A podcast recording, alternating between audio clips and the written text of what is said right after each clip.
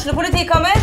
Ine Jansen er purk. Er du purk? The motherfucking bitch. Alt jeg vil, er å finne ut hva som skjedde med mannen min. Jon Carew. Er jeg sikta for noe? Iben Akeli. Det er du. Ole So, Lars Berrum og Big Daddy Karsten. Hvem sin side er du på, egentlig? Anette Hoff, Tone Danielsen, Kommer du fra Afrika? Jørnis Josef, Nesten. Kløfta. Trond Espen Seim, Det er synd å si det, men det var feil mann som døde. Purk. Premiere tirsdag på TV2 Play. Ungsamtalen fra DNB er økonomisk veiledning tilpasset deg som er ung. Bokk en ungsamtale på dnb.no. slash ung. Det er kjempebra hvis du skal inn på boligmarkedet, hvis det er drømmen din, liksom. Det er det du skulle sagt. Og så kunne du ropt litt mer, da, sånn som jeg gjorde. Bam! Åh,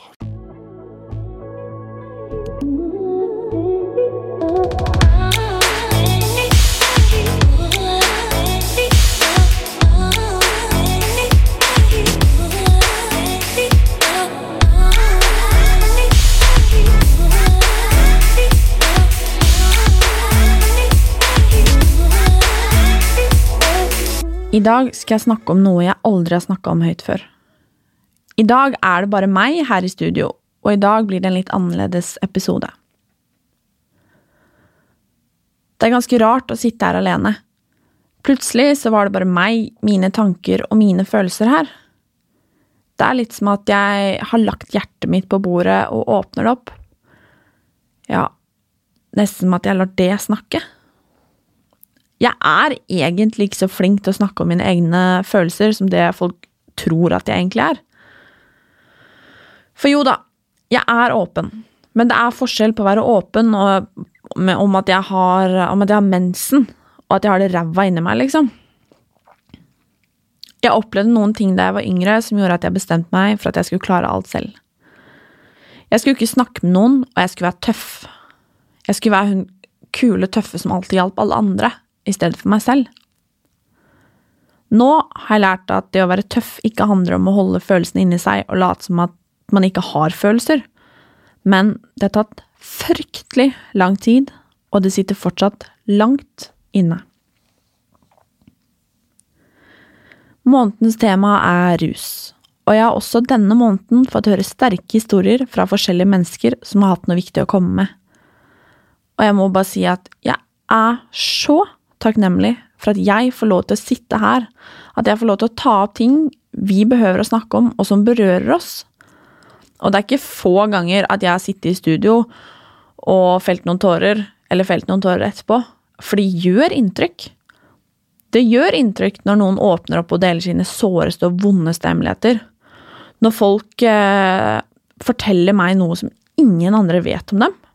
Og det gjør inntrykk å bli kjent med mennesker på en helt annen måte enn hva vi kanskje ellers gjør i dagens samfunn. Ja, og i dag så er det min tur til å åpne opp hjertet mitt. Vi er nok kanskje litt dårlige til å snakke med hverandre. For hvor ofte møter vi ikke noen, enten ja, en bekjent på butikken eller en kollega på jobben og spør om det går bra? Vi stiller spørsmålet Eller vi sier Hei, så hyggelig å se deg. Går det bra? Stort sett så svarer vi bare ja, det går bra, hva med deg? Hvis jeg skal være helt ærlig, så tror jeg kanskje at det er litt forventa at vi skal svare det også. Ja, og at vi kanskje bare spør av ren høflighet, eller kanskje jeg til og med skal kalle det en refleks. For stort sett så spør vi jo bare, uten å egentlig kanskje bry oss. Jeg opplevde å miste en venninne da jeg gikk på barneskolen. Jeg husker at jeg fikk en bok av helsesøster som hun ba meg lese. Jeg husker ikke hva boka het, men den handlet om eh, hvordan man kunne være en god venn for noen som hadde det vondt. Den handla om hvordan man kunne ta vare på seg selv når man, hadde, når man hadde det vondt, og hva man kunne gjøre for å få det litt bedre med seg selv. Det aller viktigste jeg lærte av den boka, var å spørre noen hvordan de har det. For hvis jeg spør noen hvordan har du det, i stedet for går det bra, så er man faktisk nødt til å svare noe mer enn ja eller nei. Det hender at jeg har det skikkelig kjipt, at jeg samtidig føler at jeg er den eneste i verden som har det sånn. Og er ikke det egentlig sykt rart, med tanke på hvor vanvittig mange mennesker det finnes i verden? Jeg tror det handler om at vi kanskje er ganske dårlige til å både spørre hverandre om hvordan vi faktisk har det, men også at det er forventa at alt skal være så himla bra hele tiden. For det er ikke sjeldent at jeg sitter og tenker 'herregud, jeg er den eneste i verden som har det sånn som dette'. Men herregud, vi er jo også noen eksperter på å late som at alt er bra hele gjengen. Helst hele tiden. Alt skal liksom være så fint og flott og supert hele tiden. Og jeg må bare legge kortet på bordet og si at eh, i hvert fall for min del så er det ikke alltid det. Jeg lærte ganske tidlig at det var dumt å fake orgasmer, men å fake livet, det driver jo nesten alle med, og er det liksom noe bedre?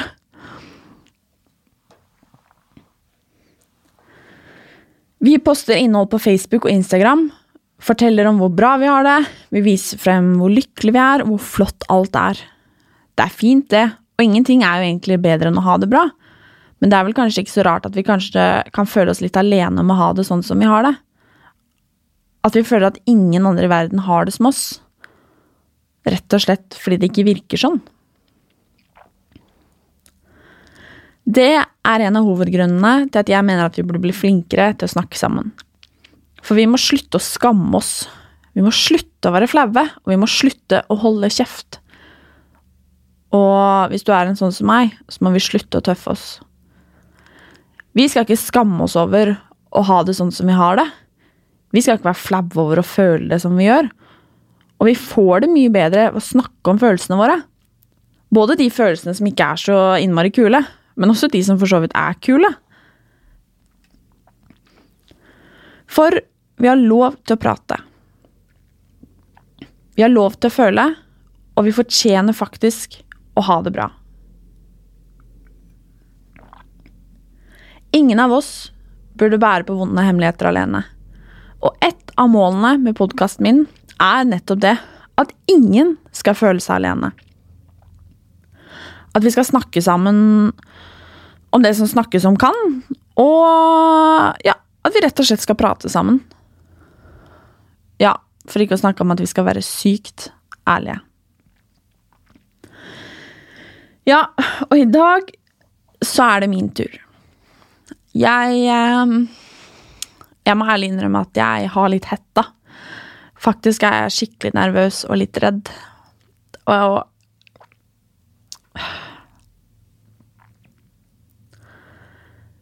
Det er rart å sitte i et et rom alene og uh, som dette her, fordi det blir veldig nært. Og ja. Følsomt, ikke minst. Kanskje vi alle har litt godt av det, jeg vet ikke. Å sitte og snakke høyt, bare si det sånn som det er. Jeg skal prøve. For uh, Herregud. Litt tidlig, kanskje. På ungdomsskolen var jeg alltid hun kjipe som aldri drakk alkohol. Selv om jeg var langt ifra gammel nok. Jeg satsa på fotball og brukte det for alt det var verdt.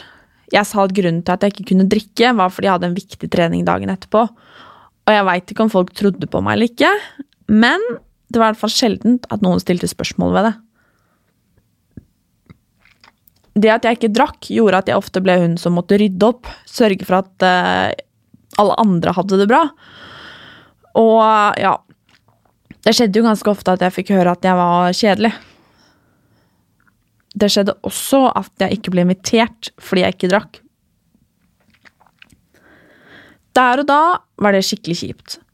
Akkurat som at alkoholen var grunnen til at man skulle være sosial. At alkoholen var høydepunktet. At vi at vennene mine på ungdomsskolen kom sammen fordi man skulle drikke. Ikke for å på en måte være sammen med gode venner eller prate sammen eller ha det gøy. Det var liksom, Skulle man ha det gøy, så skulle man drikke. Hvis jeg skal være helt ærlig, så kan jeg fortsatt føle det litt sånn. Når det snakkes om fester, så snakkes det jo ofte om hvor jævla mye man skal drikke, hva man skal drikke, og hvor drita man skal bli. Og med fare for å bli hun kjipe enda en gang, så skal jeg bare si at jeg syns det er skikkelig teit. At det er alkoholen som liksom er i fokus. Det burde jo kanskje heller være det at man er sammen, at man gjør noe gøy, eller opplever noe gøy sammen. Men ikke veit jeg. Jeg er jo bare hun kjipe som ikke drikker. Faktisk så begynte jeg å tenke på om jeg kom til å drikke mitt eget utdrikningslag her om dagen. Ikke at jeg planer om å gifte meg helt ennå, men det er sånne ting jeg tenker på. Settinger og situasjoner der det nesten er pålagt å drikke alkohol. Utdrikningslag. Ja, det sier seg jo liksom sjæl. På lørdag så skal jeg på fest. Og etter at jeg sa at jeg kunne kjøre, har jeg allerede fått masse spørsmål om hvorfor jeg ikke skal drikke. Spørsmål om jeg er gravid, og om jeg er syk. Men også spørsmålet om hvorfor det er vits å være på fest når man drikker. Jeg veit at de som spør, ikke mener noe vondt med det. Men jeg skal være helt ærlig og si at jeg begynner å bli ganske lei av å høre det. Ja, og ikke minst av å svare på det. For folk sier sånn, hvis jeg sier at eh, Nei, men jeg kjører, jeg. Null stress. Eller Nei, jeg skal ikke drikke. Så sier de Så skal liksom folk tulle. Hæ, hva er vitsen å være på fest, da? Herregud. Tuller folk. Å, eller jeg vet ikke, tuller om det, jeg vet ikke. Men jeg føler på en måte Jeg føler meg så annerledes fordi at jeg sier nei. Selv om jeg står 100% for valget mitt om å heller ha bilnøkkel i lomma enn eh, Ja, man har kanskje ikke en ølflaske i lomma, men du skjønner poenget mitt. Uansett så husker jeg første gang jeg drakk ordentlig. Jeg var 16 år gammel, og jeg var på Kypros med familien min. Jeg fikk mast meg til med å bli med storebroren min og kjæresten hans ut. Jeg tror kanskje faktisk at det er den kvelden En av de morsomste kveldene jeg har hatt i hele mitt liv. Det var så gøy, og vi kan fortsatt den dag i dag le av den kvelden. Martine, 16 år, trodde nok at hun hadde vært helt vill, men jeg veit at storebroren min hadde ganske så god kontroll. Og det var kanskje derfor det ble så gøy som det faktisk ble. Ikke veit jeg. Men til tross for at jeg hadde en skikkelig kul kveld sammen med de, og på en måte sammen med alkoholen, så ble jeg ikke bitt av basillen. Jeg husker faktisk ikke når jeg drakk etter det, men det tok en god stund. Jeg fikk meg kjæreste, og det slo meg etter hvert at jeg faktisk bare drakk når jeg var med han og broren min. Akkurat som at det var en slags trygghet for meg. At jeg visste at det kom til å skjære seg når de ikke var der. Jeg husker også første gang kjæresten min sa til meg at han ikke, at han ikke likte hvordan jeg oppførte meg når jeg drakk. Han uh, syntes at jeg ikke ligna på meg selv, og til tross for at jeg gikk rett i angrep, så forsto jeg hva han mente. Overfor han så kunne jeg ikke fatte og begripe hva han prata om. Jeg kunne ikke skjønne hva han mente, og syntes han var tidenes største idiot som i det hele tatt kunne påstå det. Jeg husker at jeg insisterte liksom på at det var han som var idioten her, og ikke jeg. Hvordan jeg sa at jeg bare liksom, Jeg husker så godt at jeg skyldte på at jeg må jo få lov til å ha det gøy, jeg også. Akkurat som at Jeg veit ikke. Akkurat som at alkoholen igjen var det gøye, da. Men at, liksom, at han tok fra meg det at jeg skulle få lov til å ha det gøy. Det var liksom det argumentet jeg brukte. Og det var jo ikke det som var poenget hans. Men som jeg sa, så forsto jeg jo hva han mente. Selv om jeg ikke ville innrømme det selv.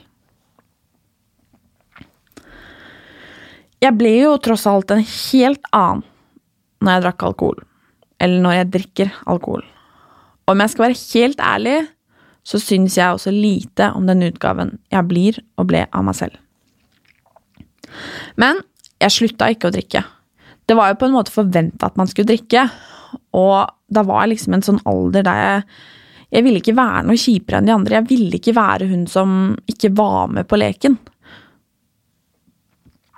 Og nå høres det kanskje ut som at jeg drakk med begge hendene hver helg, men om jeg hadde påstått det, så hadde jeg skrytt på meg ganske så mye. Jeg drakk eh, en sjelden gang, for jeg fortsatte å bruke fotballen som en unnskyldning. Jeg sa alltid at eh, det, Ofte så stemte det jo, men selv om det ikke stemte at jeg hadde trening dagen etterpå, så brukte jeg det som en unnskyldning. At jeg ikke fikk lov. At treneren min hadde sagt det. Det hadde han jo for så vidt også, men det var veldig godt å ha noe å skylde på. Og jeg syns faktisk litt synd på de som ikke har lyst til å drikke, men som ikke har noen ting å skylde på. Og hvis jeg skal være helt ærlig, så finnes det ikke så mange aksepterte unnskyldninger lenger heller. Det er ganske mange som har spurt meg om hvorfor jeg ikke bare drikker vann med sitron oppi og sugerør, liksom, så det ser ut som en drink. Men jeg syns liksom det er litt kjipt også. At jeg, når jeg var liksom 17 år, 16-17 år, skulle fake at jeg drakk. Akkurat Altså, nei. Jeg klarer liksom ikke helt å se den, jeg, hvis jeg skal være helt ærlig. Men jeg likte ikke alkoholen, og jeg likte heller ikke meg selv når jeg drakk. Selv den dag i dag så liker jeg fortsatt ikke smaken av alkohol. Selv om jeg har blitt servert både det ene og det andre. Faktisk er det eneste jeg kan drikke som jeg syns er helt ok, sprit. Og det sier seg jo sjæl at det, det ikke er så innmari lurt, kanskje. I hvert fall ikke i lengden. Alle nye mennesker jeg forteller, eh, forteller at jeg ikke drikker til, skal på et eller annet festlig vis forsøke å gjøre noe med det. Akkurat som at de kan konvertere meg. Akkurat som at de kan forvandle det faktum at jeg faktisk ikke liker smaken. Og jeg tror faktisk det skjer hver gang jeg treffer på noen nye. At noen kan blande den beste drinken, at noen vet om den beste drinken man kan bestille. Og at 'nei, men smak på det her', denne varianten her, 'nei, men den ølen her liker alle, den er så lys', sier folk. Og jeg Sorry, jeg liker det ikke. jeg er oppvokst med at foreldrene mine ikke drakk noe særlig alkohol. Og da jeg var yngre, var det for meg den største selvfølgen. Eller Jeg visste jo egentlig ikke om noe annet. Det var først da jeg ble eldre at jeg skjønte at uh, veldig mange rundt meg hadde det annerledes enn meg. Og at jeg forsto at det var fordi uh, Jeg forsto etter hvert at det var fordi både mamma og pappa ikke tålte det noe særlig. Akkurat sånn som meg.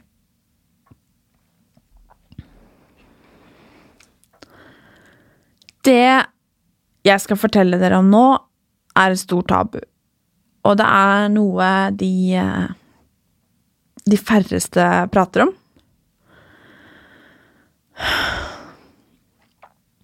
Det er nok for veldig mange knytta til skam, og noe som ofte skal holdes innad i familien. Det er liksom litt flaut, og apropos fasade, som jeg snakka om litt tidligere, så bryter jo akkurat dette med den perfekte fasaden. Ofte så feies det under teppet eller så legges det lokk på. Man skal liksom holde det skjult. Ingen skal vite det, fordi Ja. Det er jo faktisk ganske flaut.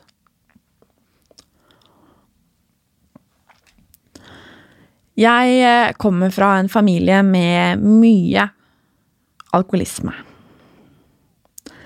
Dere har hørt onkelen min fortelle sin historie om livet som narkoman i en tidligere episode, og det gjelder ikke bare han. Det gjelder fler i min familie. Og det gjelder meg. Det er ingenting jeg er stolt av. Men det er noe jeg har respekt for, og som jeg tar hensyn til. For jeg eh, vet at jeg har tendensene, og jeg har merka dem. Mange ganger. Jeg velger bare å slutte før jeg begynner. Det høres kanskje rart ut for veldig mange, men jeg er også sikker på at mange kjenner seg igjen og forstår akkurat hva jeg mener. For jeg velger mye heller å avstå fra det å drikke alkohol enn å bli sint, urimelig og avhengig. Jeg har nemlig testa det, flere enn én en gang, og jeg tør rett og slett ikke å ta sjansen. Det å være glad i en alkoholiker eller en narkoman er skikkelig vanskelig. Det er uforutsig... Utforutsig... Jeg klarer ikke å si det ordet engang. Uforutsigbart. Nå håper jeg traff. Det er slitsomt, og det er skikkelig frustrerende. Det er rett og slett skuffende. På en, på en rar måte. Um, det er vondt å aldri vite hvor de er. Om de blir glade for å se deg. Eller om det eneste de egentlig bryr seg om neste gang de kan få Om det er det eneste de egentlig bryr seg om, er neste gang de kan få muligheten til å ruse seg.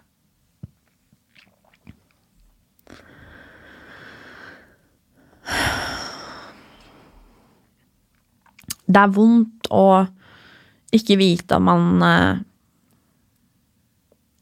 kan dra på besøk fordi eh, man aldri vet hvordan stemning er. Fordi man aldri vet om det blir hyggelig eller ikke. Det tok ganske mange år før jeg forsto eh, hvorfor vi alltid måtte si ifra før vi kom. Jeg og søsknene mine. Vi måtte alltid ringe og si ifra. At nå kommer vi. Og jeg har også skjønt at hva som har vært grunnen de gangene de ikke har passa. De gangene de ikke har kunnet. For det er vondt å tilbringe tid sammen med et menneske som du aldri vet om har kaffe eller ren sprit i kaffekoppen sin. Og jeg har rett og slett bestemt meg for at jeg ikke ønsker å ta sjansen, og at ingen som er glad i meg, skal få kjenne på den samme frustrasjonen, sinnet og sorgen på grunn av meg. Sist jeg drakk alkohol ordentlig, var høsten 2017. Jeg hadde nettopp mistet et menneske som sto meg eh, veldig nært, og jeg var sint. Jeg var så vanvittig sint. Når uh, denne personen døde, så Det var ikke som at Det var ikke som at uh, Det var på en måte ikke vanlig. Altså Tenk å være sinna på en som har dødd, da. Jeg skammer meg nesten bare jeg sier det høyt. Men uh, jeg var så sint, og jeg husker at jeg um, satt i en steintrapp. Og jeg var så forbanna at jeg bare smalt hele hånda i, uh, i trappa. Og jeg fikk ikke vondt engang. Fordi jeg var så sint. Hvis jeg skal være helt ærlig, så er jeg fortsatt sint. Og jeg er veldig lei meg for at uh, For at jeg ikke klarer å slutte å være sint. Jeg håper at jeg en dag kan uh, slutte å være det. At jeg kan slutte å være sint. For det er både rart og vondt å være sint på noe som det ikke går an å endre på på en person som ikke fins lenger. En person som jeg er og har vært så vanvittig glad i. En person som eh,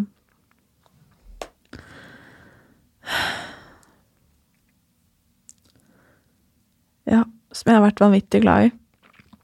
Og hovedgrunnen til at jeg er sint, er fordi jeg vet at om det kanskje hadde vært kaffe i, kaffe, i kaffekoppen i stedet for sprit når jeg var på besøk da jeg var yngre, så hadde denne personen kanskje fortsatt vært i live.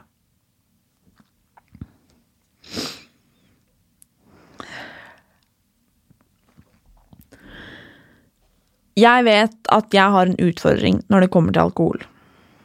Jeg har eh, sett flere mennesker som jeg er veldig, veldig glad i, eh, velge alkohol og rus framfor, eh, framfor meg. Jeg eh, vet at jeg har, eh, har noe i meg som eh, kommer fram når jeg drikker. Jeg har aldri prøvd å ruse meg. Men eh, Og så tør jeg ikke å ta sjansen på heller. Og jeg har ikke en utfordring til alkohol bare i den forma at jeg tåler det dårlig selv. At jeg på en måte blir som jeg blir. Men også i den form av at jeg kan bli skikkelig forbanna på for eksempel kjæresten min hvis han trekker strikken for langt.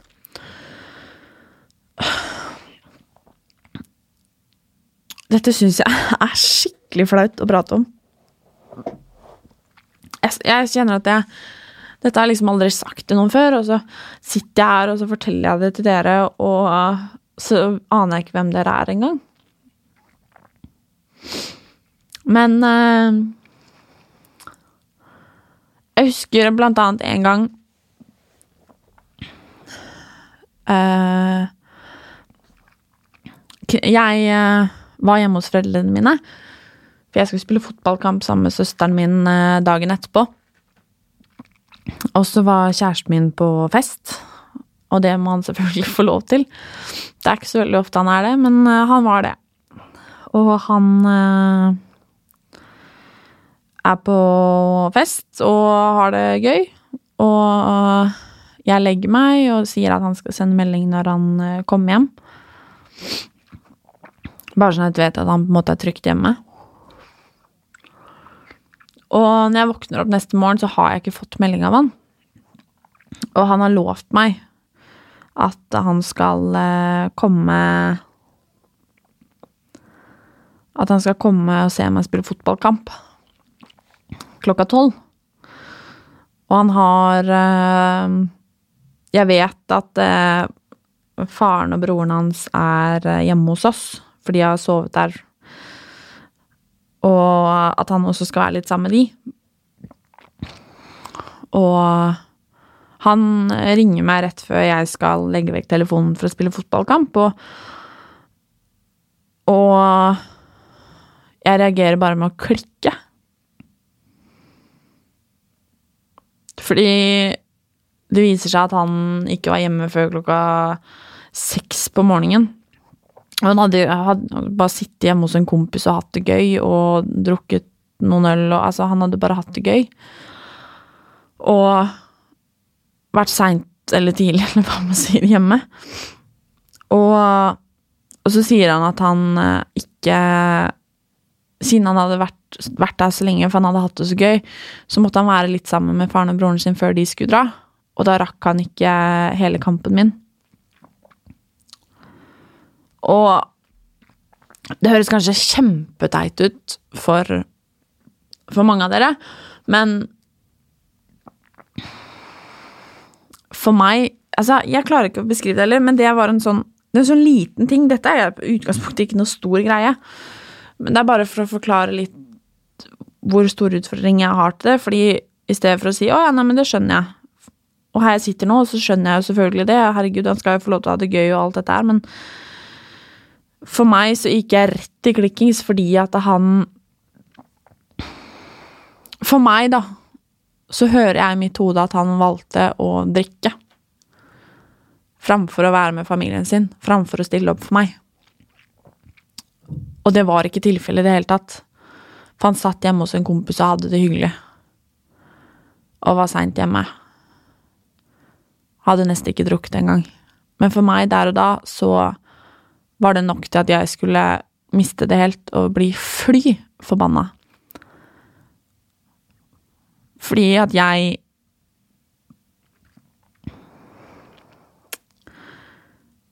har hatt og har for så vidt mennesker i livet mitt som aldri har vært og sett meg spille en fotballkamp. Eller uh, sett meg på en skoleavslutning. Eller uh, Vært i bursdagen min. Eller noe sånt. Fordi at alkoholen har vært viktigst. Og Martine 21, hun skjønner at det Skjønner på en måte tegninga, men for Martine 8, da, så var, har det vært fryktelig, fryktelig skuffende, og noe som har gjort meg veldig, veldig lei meg. Så når sånne ting skjer i livet mitt, så er det all den skuffelsen som reagerer med å bli sint. Og det er noe jeg jobber veldig, veldig mye med. For det hender at jeg spiser middag med folk som eh, kjenner til at jeg ikke drikker, og som spør om det er i orden at de tar seg et glass vin, for eksempel. Og det er jo selvfølgelig greit.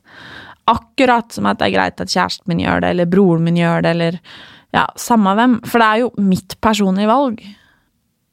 Og ikke drikke med begge hendene. Og det er på mange måter det samme for meg hva andre velger å gjøre eller ikke. Jeg har aldri før uh, fortalt hvorfor jeg ikke drikker alkohol. Og det er veldig, veldig personlig for meg. For stort sett så skylder jeg på at uh, Nei, jeg liker ikke, eller som sagt at jeg skal kjøre, eller jeg skal på fotballtrening, eller det, Jeg har gjort det hele livet. Men sannheten er jo faktisk at jeg ikke tør å ta sjansen. Ja, for det første så liker jeg det jo ikke. Men det hadde jeg sikkert lært meg. Det påstår i hvert fall alle som drikker. Men sannheten er at jeg ikke tør å ta sjansen. Og at jeg er så fast bestemt på at ingen av de menneskene som er glad i meg, skal trenge å se meg sånn som jeg har sett enkelte mennesker jeg er glad i, og skal eh, Jeg er livredd for å bli eh, mormor en gang. Og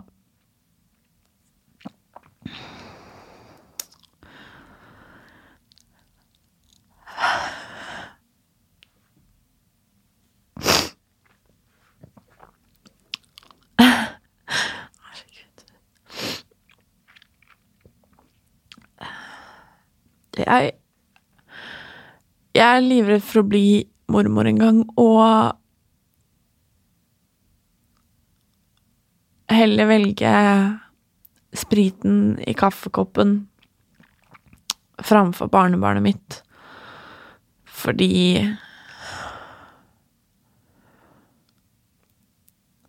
Det er viktigere for meg. Og jeg veit hvordan det er å være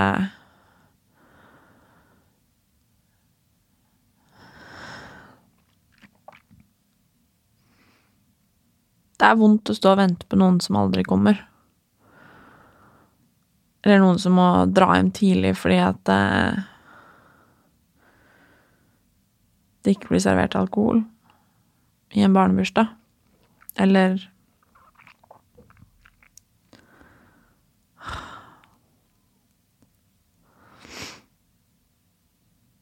Jeg vet at det er ekstremt mange som har et problem med alkohol og rus. Og det er også veldig mange som er glad i noen som har det. Og for meg så er det veldig viktig å påpeke at uh, det er opp til hver enkelt om man ønsker å drikke eller ikke. Og herregud, folk Jeg drar gjerne på fest, jeg, og jeg har ingenting imot alkohol på den måten at uh, folk skal få ta seg en øl når vi spiser middag, eller uh, for så vidt ti om vi er på fest også, men jeg håper Eller jeg ber om forståelse for mitt personlige valg. For det møter jeg veldig sjeldent. Og hvis du som lytter er en som pusher, eller som maser, eller som sier at jo da, men ta bare én, da, det går bra. Nei, jeg spanderer taxi, du trenger ikke å kjøre. Eller Jeg vet at dere som gjør det, ikke mener noe vondt med det. og jeg vet at dere bare vil inkludere, og at dere altså bare er en greie. Det har jeg full forståelse for. Men hvis du er en av de som maser om å bare Ja, drikk litt til, da. Ta litt til, da. Så uh, håper jeg at neste gang noen sier nei, at man kan ta nei for et nei. Fordi det er stort sett en grunn til ting. Og det er ikke noe problem for meg å drikke en kveld, eller fire. Men jeg personlig tør ikke å ta sjansen. Og det ber jeg om forståelse for. I juli så skal jeg ha fri fra podkasten min, og jeg gleder meg allerede til å være tilbake første uka i august. I sommer kommer det til å drikke store mengder med alkohol, og jeg vil, mens jeg fortsatt har oppmerksomheten din, minne deg på å bruke sunn fornuft. Og ferdes du rundt barn, så vær bevisst på hvor mange glass ditt barn tåler. Det er nemlig ikke kult å se en man er glad i dritings, og det er heller ikke kult å skulle gi en av sin nærmeste nattaklem, som stinker alkohol og utrygghet. Kos dere masse, masse, masse. Bruk hodet og ta vare på dere selv. Logg av Instagram og logg på livet. Nyt sola, og så snakkes vi i august. Og imens så snakkes vi både på bloggen min, martinehals.blogg.no, og på Instagram, martine.hals. Jeg blir forresten veldig glad om du abonnerer og gir podkasten min en stjerne, eller aller helst fem. Og med det så gjenstår det å si tusen, tusen takk for at du lytter, og for at du eh, Og for at du er du. Tusen takk.